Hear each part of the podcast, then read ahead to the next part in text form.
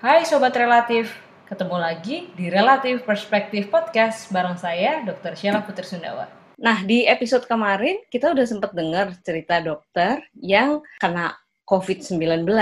Dan hari ini saya mau ngobrol lagi nih sama teman saya yang lain yang positif COVID-19. Ternyata di lapangan itu banyak banget yang positif, terutama tenaga-tenaga medis, ada dokter, ada perawat.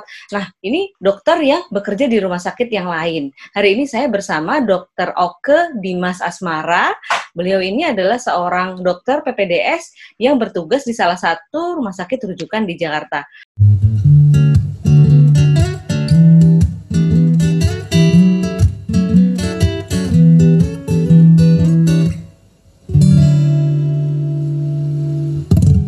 Hai Oke, apa kabar? Halo Sel, kabar baik, Alhamdulillah. Gimana nih, uh, kemarin kan lu dibilang hasil swabnya positif ya? iya. Itu kapan taunya kalau positif? Jadi kebetulan nih, gue udah lama nih positifnya. Mm -hmm. Jadi gue itu memang awal-awal terkena tuh sekitar bulan awal pertengahan Maret. Mm-hmm. Gejala pertama kali muncul itu 18 Maret dan akhirnya gue ketahuan positif mungkin sekitar tanggal 23 Maret kali ya. 23 ah, Maret kalau nggak salah. Oke. Okay. Iya. Eh tapi gue tanya-tanya gini boleh nggak sih? Lo keberatan nggak kalau gue nanya-nanya? Oh iya, uh, nggak apa-apa ini uh, sharing aja pengalaman pribadi sebagai pasien yang menderita COVID. Jadi semua yang gue sampaikan di sini itu memang murni pengalaman pribadi gue dan mungkin bisa bermanfaat buat tenaga medis di luar atau mungkin non tenaga medis juga dalam uh, menghadapi COVID ini gitu. Oke, mudah-mudahan ya. Maksudnya semua yang denger ini bisa belajar juga gimana caranya biar bisa lebih mencegah nggak positif ataupun kalau misalnya udah positif kayak gimana gejalanya biar lebih tahu ya ke ya. Yes, betul itu. Ceritain ke kita ya, dong betul, waktu yang awal-awal yang bulan-bulan Maret itu yang pertengahan itu, apa sih yang lo rasain kenapa tiba-tiba lo dicek gitu? Oke, uh, jadi uh, ini mungkin cerita agak cukup panjang nih Sel. Jadi hmm. uh, awal Maret itu gue bertugas di rumah sakit itu di bagian uh, IGD sama hmm. bagian jantung. Jadi kan memang kalau IGD itu semua pasien yang gawat darurat tuh masuk ya mau apa pun itu gitu. Dan waktu awal-awal Maret tuh kayaknya tren COVID masih belum seramai sekarang ya. Hmm. Jadi uh, APD juga belum tren saat itu. Jadi memang uh, ya seperti biasa kita bekerja gitu. Nah, uh, pada saat seminggu dua minggu terakhir saya kerja di IGD dan uh, pada tanggal 18 itu tanggal 17-nya saya masih jaga IGD tanggal 17-nya itu. Mm -hmm. Tanggal 18-nya sore itu saya mulai demam. Jadi demamnya itu sekitar 38 sampai 38,5 mm-hmm. derajat Celcius, lalu uh, nadi saya cepat sekitar 120 kali per menit dan rasa-rasanya tuh uh, sakit kepalanya berat sekali.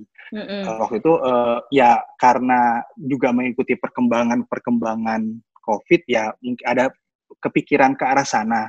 Cuman ya saya pantau dulu, saya pantau dulu, tapi hari kedua, hari ketiga memang keluhannya masih ada dan demamnya tuh cukup bandel waktu itu. Demam sama sakit kepalanya itu yang paling berat.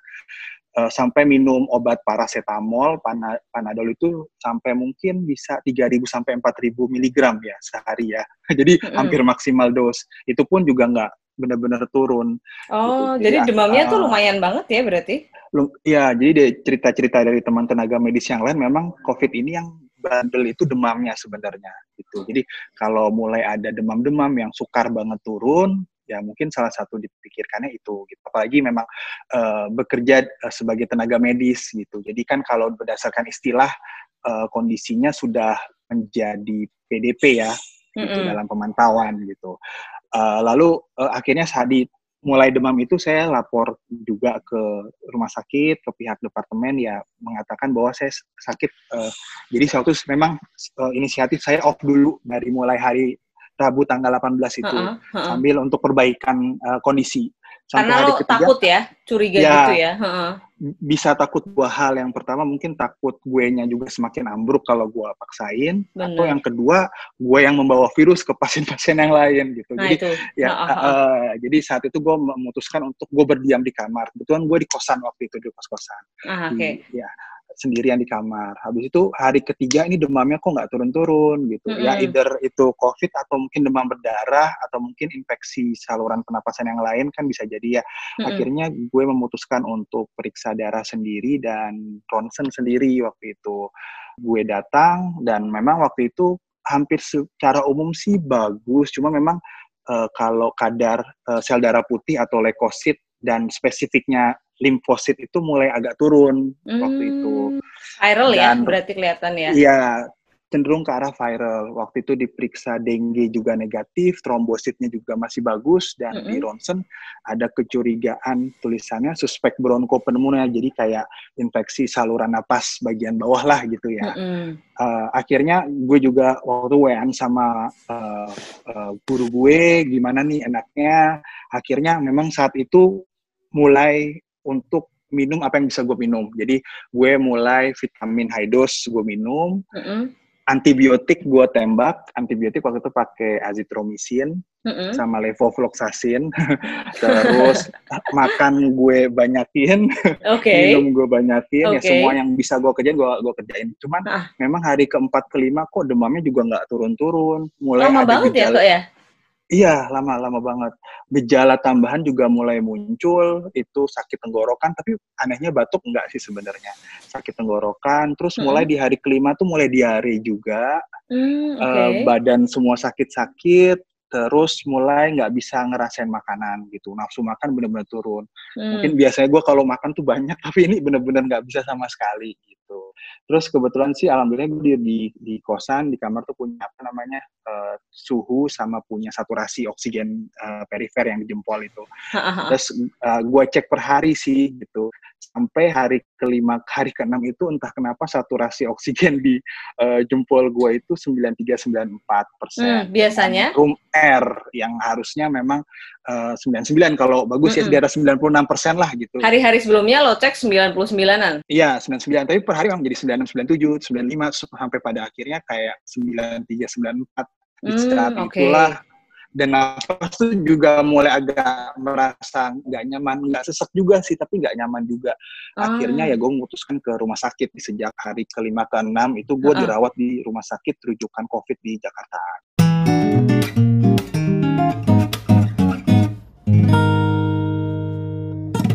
Nah, terus di sana apa yang dilakukan? Yang di rumah sakit rujukan ya. Uh, jadi pada saat gue di rumah sakit rujukan tuh masuk ke IGD-nya seperti biasa dan uh -uh. memang alhamdulillahnya mungkin gue sebagai dokter ya dan gue juga punya beberapa teman yang uh, ini kalau seperti ini dirawat di mana dan akhirnya memutuskan ke rumah sakit itu. Jadi pada saat itu memang uh, gue kenal dengan dokter spesialis uh, paru, spesialis penyakit dalam di sana yang bantu menanganin gitu. Jadi mm -hmm. uh, waktu itu dibantu banget memang.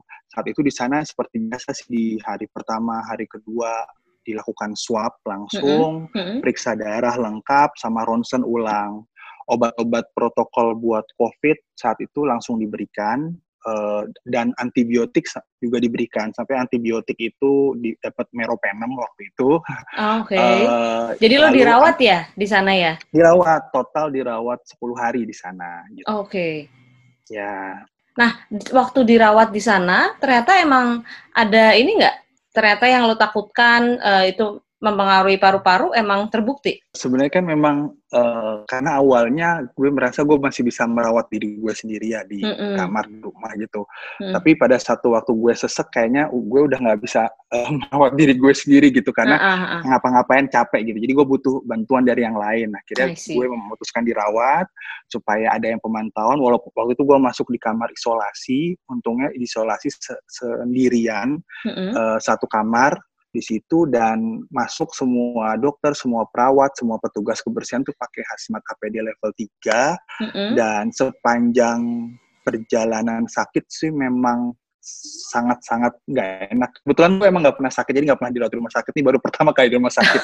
jadi dari mulai di swab, diambil uh -uh. darah, pasang mm -hmm. infus, infusnya macet, diganti itu ternyata sakit. Jadi hikmahnya gue merasakan sebagai pasien nih di, uh. di luar sebagai dokter gitu, bahwa emang bener-bener nggak enak sebagai yeah. pasien sebenarnya. Uh -uh. Uh -uh. Di swab pun mungkin kalau uh, di swab tuh kalau teman-teman udah ngerasain tuh sakit ya nggak enak banget, banget di swab gak itu enak banget nggak enak banget mau nangis Mungkin, rasanya mau nangis bahkan nangis beneran iya udah nangis beneran Iya, apalagi uh, di swabnya tuh di kedua lubang hidung sama di tenggorokan. Jadi mm -mm. sekali tuh tiga tiga dicolok tuh uh, bener-bener gak enak banget. Yeah. uh, habis gitu dan untungnya sih se, uh, alhamdulillah waktu demamnya memang sampai total 10 harian sel. Ah, oke. Okay. Uh, terus nah, gejalanya, lo di swab hari keberapa? Ya, uh, kalau di protokolnya kan hari pertama dan kedua swab, mm -hmm. jadi udah dikerjakan itu semua. Oke. Okay. Uh, tapi memang yang perlu jadi pesan ke teman-teman juga, sebelum gue masuk ke rumah sakit rujukan COVID itu, gue juga sudah diperiksa swab di rumah sakit gue bekerja. Uh -uh. Dan hasilnya itu negatif sebenarnya di awal. Awalnya jadi, negatif uh, ya? Iya, jadi mungkin pesan gue yang bisa gue sampaikan tuh kalau misalnya swab itu negatif, ya dan tapi gejala klinis lo menunjukkan tetap ada ke arah sana, ya memang harus tidak ada saya di swab ulang gitu. Mm -hmm. Dan Tapi cara ngambil sampelnya sama apa beda dari yang pertama nah, yang negatif ke yang kedua? Iya, memang ada perbedaan dari cara pengambilan sampel gitu. Nah, itu memang pengambilan sampel juga tidak sebarang dokter atau petugas atau perawat bisa mengambil ya. Mm-hmm. Yang mengambil uh, biasanya itu dokter THT atau mungkin dokter yang sudah diberikan pelatihan. Karena mm. kalau tidak uh, ada pelatihan takutnya mengambilnya takutnya salah spesimen gitu. Belum nyampe nasofaring belum nyampe mm -hmm. apa takutnya udah keambil. Jadi mungkin itu sih. Tapi kurang lebih sih sama sih sebenarnya gitu mm -hmm. ya mungkin kan setiap pemeriksaan ada sensitivitasnya juga ya. Mungkin mm -hmm beda-beda atau mungkin saat itu viralnya belum begitu tinggi sampai terdeteksi di PCR juga bisa jadi banyak hal yang mempengaruhi sebenarnya. Mm -hmm, true. Uh, jadi uh, uh, terus habis lo yang di swab kedua ternyata hasilnya positif ya yang kedua? Iya jadi swab uh, sebenarnya uh, ya mungkin waktu awal itu hasil swab itu lama banget ya sel. Iya dua mingguan ya. dua mingguan benar. Jadi saat itu gue nggak dikasih tahu uh, positif sampai itu hari-hari terakhir pada saat gejala gue hilang baru dikasih tau positif tapi memang gue tetap diperlakukan sebagai positif see. Kan, karena memang ternyata hasil darah gue hasil rapid test juga positif ternyata jadi hmm. memang uh, tidak menunggu hasil apa namanya swab tetap hmm. dianggap sebagai uh, covid gitu ha -ha. rapid test diambil barengan swab yang kedua berarti iya kedua ketiga iya Oke, okay. jadi lo uh, setelah yang positif itu, habis itu kan lo mau dipulangin, itu di swab lagi buat ngecek negatif apa gimana? Oke, okay.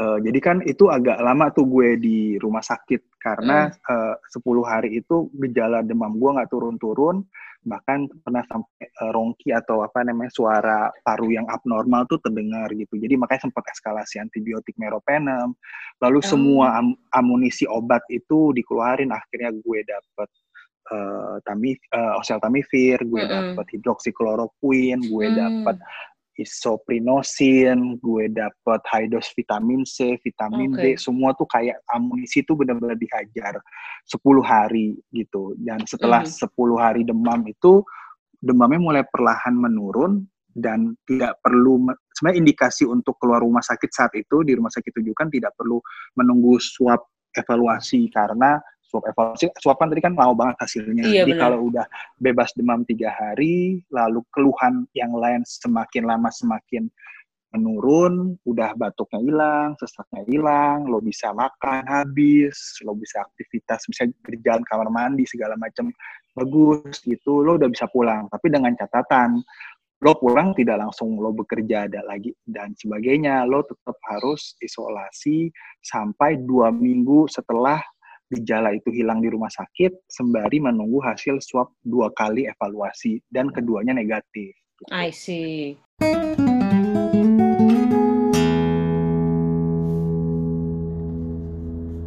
Nah, terus setelah itu kan lo pulang nih. Ya. Gejala yang tadi yang demam udah nggak ada, sesek udah nggak ada. Berarti udah benar-benar nggak ada gejala ya waktu pulang ya?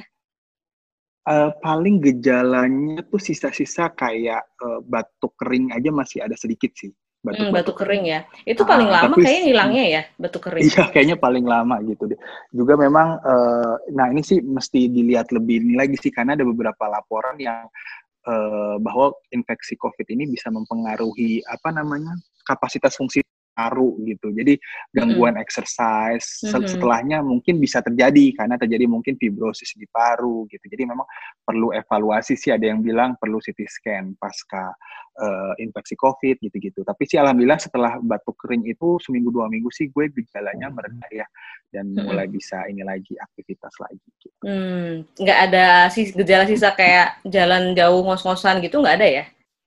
Uh, nggak itu kebetulan pas waktu di awal aja sih setelah itu aja. gue uh, setelah swab pertama yang evaluasi itu gue negatif gue coba misalnya kayak naik sepeda di sekeliling komplek yang sepi gitu kan gue coba nih misalnya mm -hmm. deket-deket aja gitu ya nggak bisa full seperti biasa sih tapi udah mulai balik sih dan sekarang sih udah kayak biasa lagi gitu. I see. Cuma Jadi yang, yang menariknya, mm -hmm. ah, iya gimana misal? Jadi swab lo udah negatif kan berarti sekarang?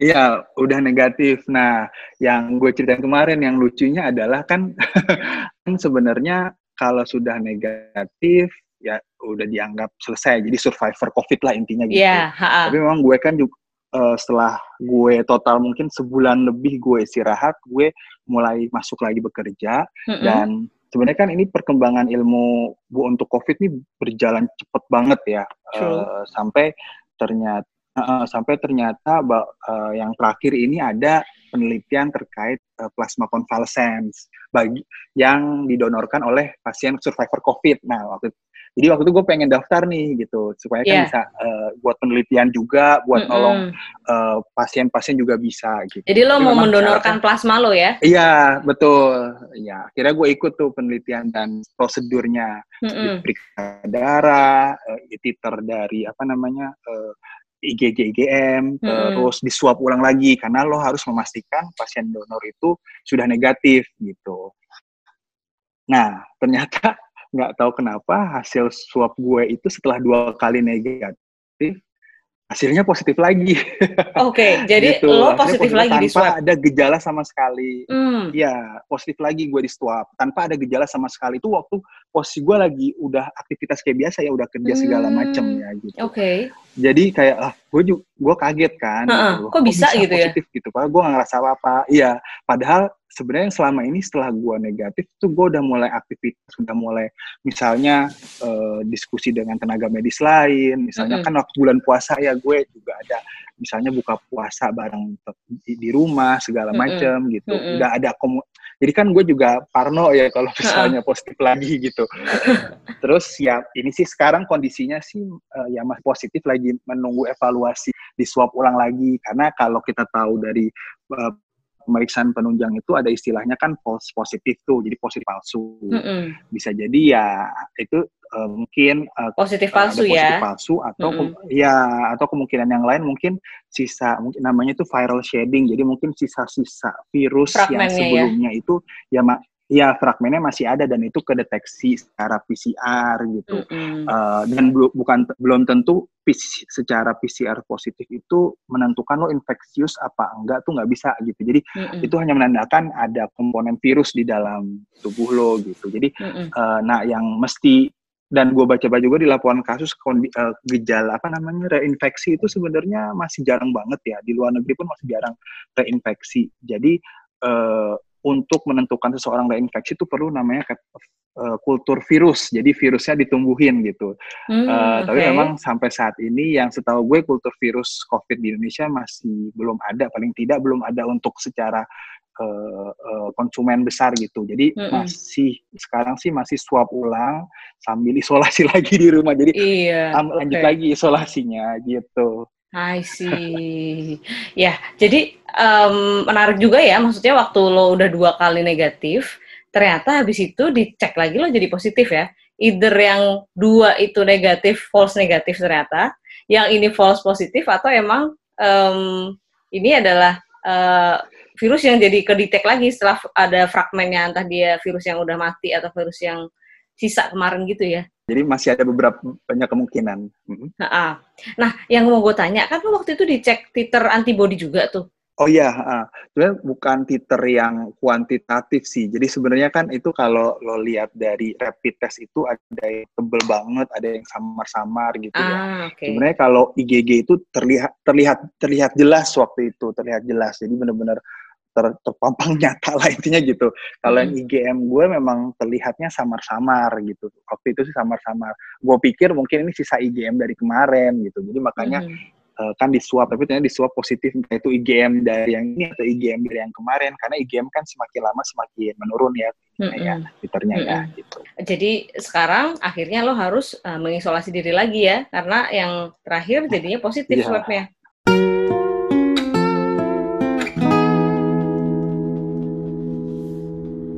Teman-teman yang waktu itu udah terpapar sama lo eh, selama satu bulan terakhir ketika lo berkegiatan itu di trace lagi nggak apa gimana? Nah, iya saya sebenarnya ini sih yang pengen gue sampaikan tuh kadang-kadang ada sisi maksudnya sisi nggak enaknya dari sakit ini tuh banyak sebenarnya. Mm-hmm. Tapi salah satunya yang gue rasain itu rasa khawatir dan rasa bersalah sih Sel. Maksudnya gini, mm. uh, rasa khawatir bersalah tuh ke orang-orang di sekitar gue gitu. Karena kan sebenarnya banyak yang bilang ini uh, COVID ini sebenarnya a thousand faces disease. Jadi maksudnya penyakit seribu wajah Lo bisa tanpa gejala, lo bisa gejalanya cuma bisa di kulit atau saluran cerna yang atau di mata gitu yang enggak dikira-kira, tapi ternyata lo ada virus gitu dan virusnya mungkin bisa menyebarkan ke orang lain tanpa lo sadarin.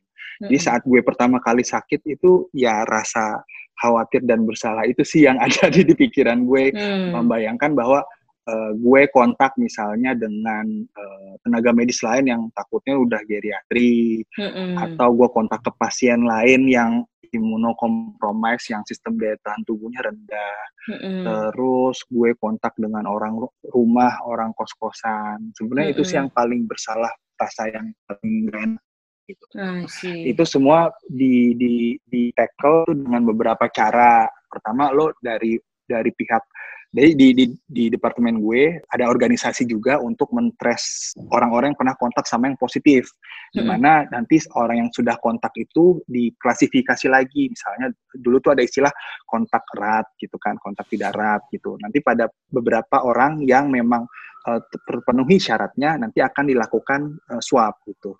Pun orang rumah atau orang kosan itu dilaporkan juga dari rumah sakit gue itu dilaporkan ke dinas kesehatan setempat untuk ke puskesmas. Jadi puskesmas yang akan mentes di uh, keluarga lo atau di tempat lo tinggal. Untuk okay. yang lainnya apakah ha. perlu disuap apa enggak gitu. Tapi uh. memang uh, ketersediaan alat suap itu masih terbatas banget. Jadi nggak mm -mm. semua muanya tuh langsung disuap. Jadi mesti diklasifikasi dulu sih waktu itu, itu karena keterbatasannya alat suapnya, VTM-nya, reagennya mm -mm. segala macam gitu.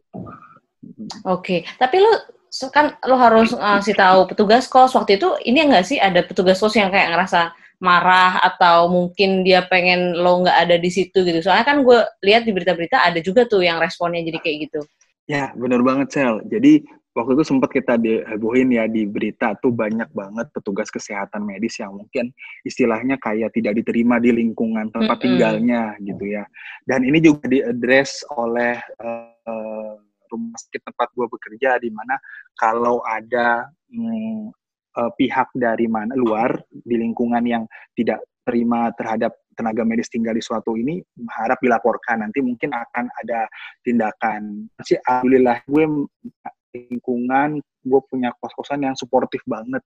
Ah, okay. Jadi mereka nggak mengkhawatirkan mengkhawatirkan diri mereka. Ini ini terkait uh, keluarga kosan gue ya jadi mm -hmm. gue tuh nggak memikirkan ya mereka memikirin diri mereka juga tapi mereka ya lebih uh, suportif ke gue untuk penyembuhan gitu jadi pada saat gue sakit bahkan gue kayak antar makanan ke kamar gue gitu kan tiap hari oh. ditanyain gimana kondisinya segala macam gitu jadi ya alhamdulillahnya gue di situ sih sel gitu bahwa hmm. orang kosan gue dan di rumah gue keluarga gue itu suportif banget teman-teman hmm. gue ngebantu banget dalam perjalanan gue kesembuhan ini gitu jadi pas gue sih alhamdulillah cuman memang kalau ngelihat keluar ya masih banyak mungkin teman-teman atau tenaga medis lain yang mungkin ya ini yang menghadapi masalah seperti itu uh -uh. yang perlu diadres bahwa sebenarnya ya mereka kan tenaga kesehatan juga untuk menyembuhkan masyarakat gitu. Kalau bisa sih jangan di jangan dikucilkan jangan di, karena mereka ngebantu banyak hal gitu. Bisa malah disupport gitu ya. Itu sih beruntungnya gue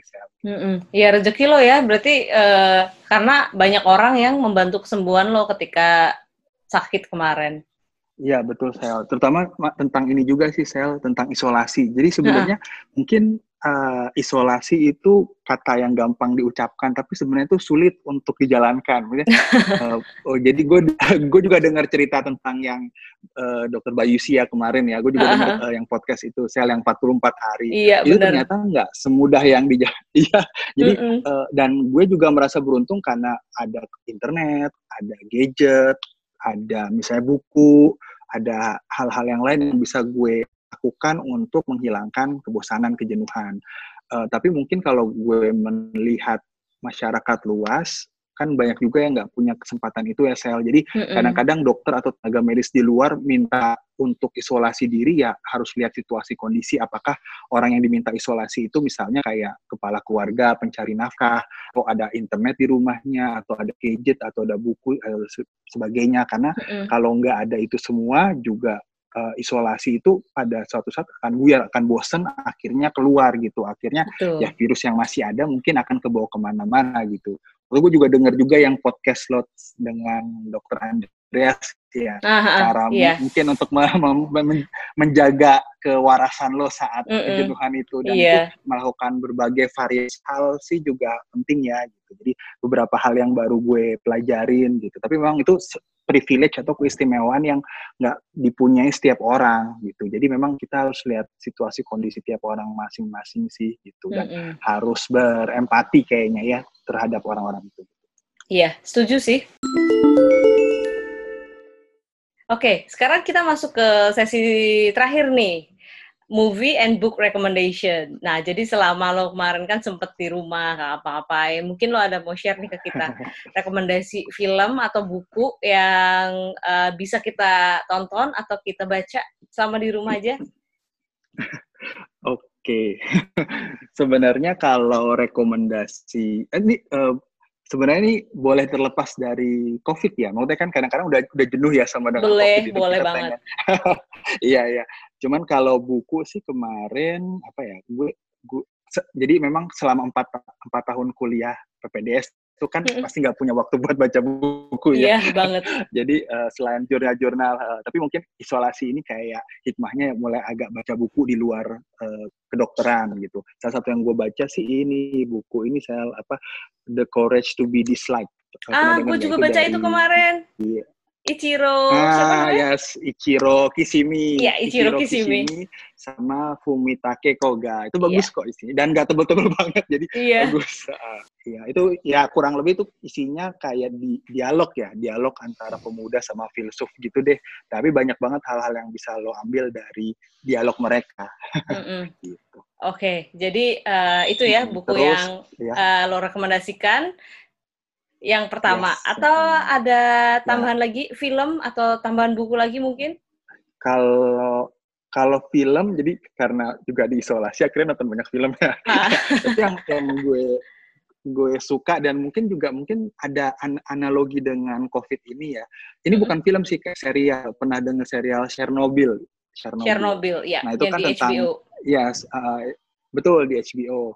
Uh, itu bercerita tentang yang kejadian Chernobyl ya dan di situ juga analogi gue itu dengan COVID bahwa di situ ada ilmuwan ilmuwan uh, yang kimiawan kayaknya ya mm -hmm. di sana lah yang uh, melakukan berbagai cara berdasarkan keilmuan mereka untuk membatasi uh, bencana Chernobyl ini agar nggak sampai ke uh, dunia luar gitu. Itu kan di di Chernobyl itu kan kalau jadi ada ceritanya tuh kalau dia uh, si uh, nuklirnya itu leak itu bisa nyampur ke sumber mata air dan bisa ke negara Eropa Timur mm -hmm. gitu dan itu ilmuwan tuh berbagai berbondong-bondong untuk mencegah itu. Nah, mungkin kalau dari COVID ya itu juga di sekarang ilmuwan lagi berbondong-bondong untuk mencegah itu spreading ya. Jadi uh -uh. Dari Chernobyl selain ceritanya bagus, hikmahnya bagus, juga hampir sesuai dengan kondisi ini karena awal-awalnya waktu itu pemerintah Rusia kayaknya nggak mau untuk melakukan itu deh. Jadi uh -uh. pada akhirnya ilmuwan meyakini bahwa ini penting jadi dilakukan. Mungkin itu. Oke, okay. ya siap. Uh -uh. Jadi uh, itu ya courage to be disliked untuk dibaca dan Chernobyl untuk ditonton sambil uh, belajar tentang containment. Kalau yang di kita yes. containment virus, kalau dia containment dari bahaya yeah. virus. Ya. Okay. Sel, kalau boleh ada satu pesan yang gue mau sampaikan, boleh nggak Sel? Nah, baru banget gue mau nanya. oh iya, oh mau ditanya ya. ya, ya. saking sering gimana ke podcast lo kayaknya. Jadi gini, uh, mungkin pesan-pesan gue tidak hanya untuk tenaga medis tapi buat orang di luar sana. Yang pertama kan mungkin saat ini nih kondisinya uh, eh, PSBB katanya mau akan mungkin uh, mau akan dilonggarin akan dini tapi pesan gue jangan lengah gitu ya. -hmm. Jangan panik pasti gitu karena uh, menyadari lo tidak panik itu akan pikiran lo akan jernih sehingga bisa menyelesaikan masalah tapi jangan lengah juga karena sampai saat ini uh, data di Indonesia itu masih masih tinggi dan grafiknya itu belum menurun. Mungkin ya, ini mungkin melandai tapi menurun tuh enggak gitu. Uh, tanggal 20 kemarin memang perharinya itu aja ada 600-an lebih yang positif gitu.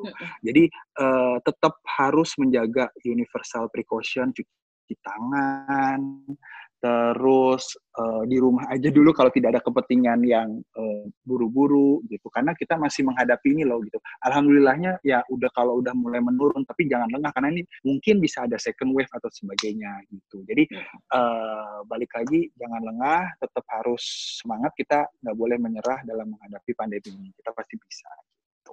Siap. Oke okay. Terima kasih banget atas pesan-pesannya. Semoga teman-teman yang dengerin ini juga bisa me implementasikan, mempraktekkan apa yang tadi uh, sudah uh, dihimbau ya, bahan uh, biar tetap waspada nih, walaupun um, selama tiga bulan terakhir ini nggak terpapar virus atau tetap sehat, nggak boleh lengah ya, ya kak ya, karena chance itu tetap ada. Iya betul.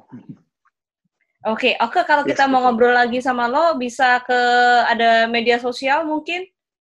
Uh, se sebenarnya gue bukan orang media sosial ya.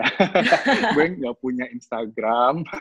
Instagram, oke. Okay. Udah Facebook udah nggak aktif. Ya, ya mungkin ada tapi udah nggak aktif udah lima tahun lebih yang lalu. Facebook juga nggak ada. Gue ada Twitter tapi buat konten receh-receh sih. Lo tau lah istilah Twitter ya.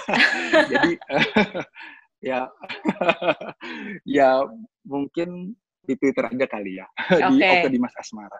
Oke, okay. Oke Dimas Asmara. Atau Oke Dimas Asmara. Ya. Oke, okay. sip. Yes. Ya terima kasih banget untuk waktunya hari ini. Mudah-mudahan hasil uh, swab selanjutnya udah cepet keluar ya, biar negatif. Amin. Oke, okay, thank you ke See you, bye. Ya, thank you banget Sel sudah diundang. Bye-bye. Jangan lupa, kalau kalian suka dengan episode podcast ini, follow podcast kita dan share ke teman-teman kalian yang lain supaya mereka juga bisa mendapatkan manfaat seperti yang kalian juga dapatkan. Jangan lupa juga untuk follow Twitter saya at Oxfara. Di situ kalian bisa mendapatkan banyak info kesehatan dan juga update setiap episode barunya Relatif Perspektif Podcast. Di Instagram kita juga ada di relatif perspektif. Sampai ketemu di episode selanjutnya. Bye.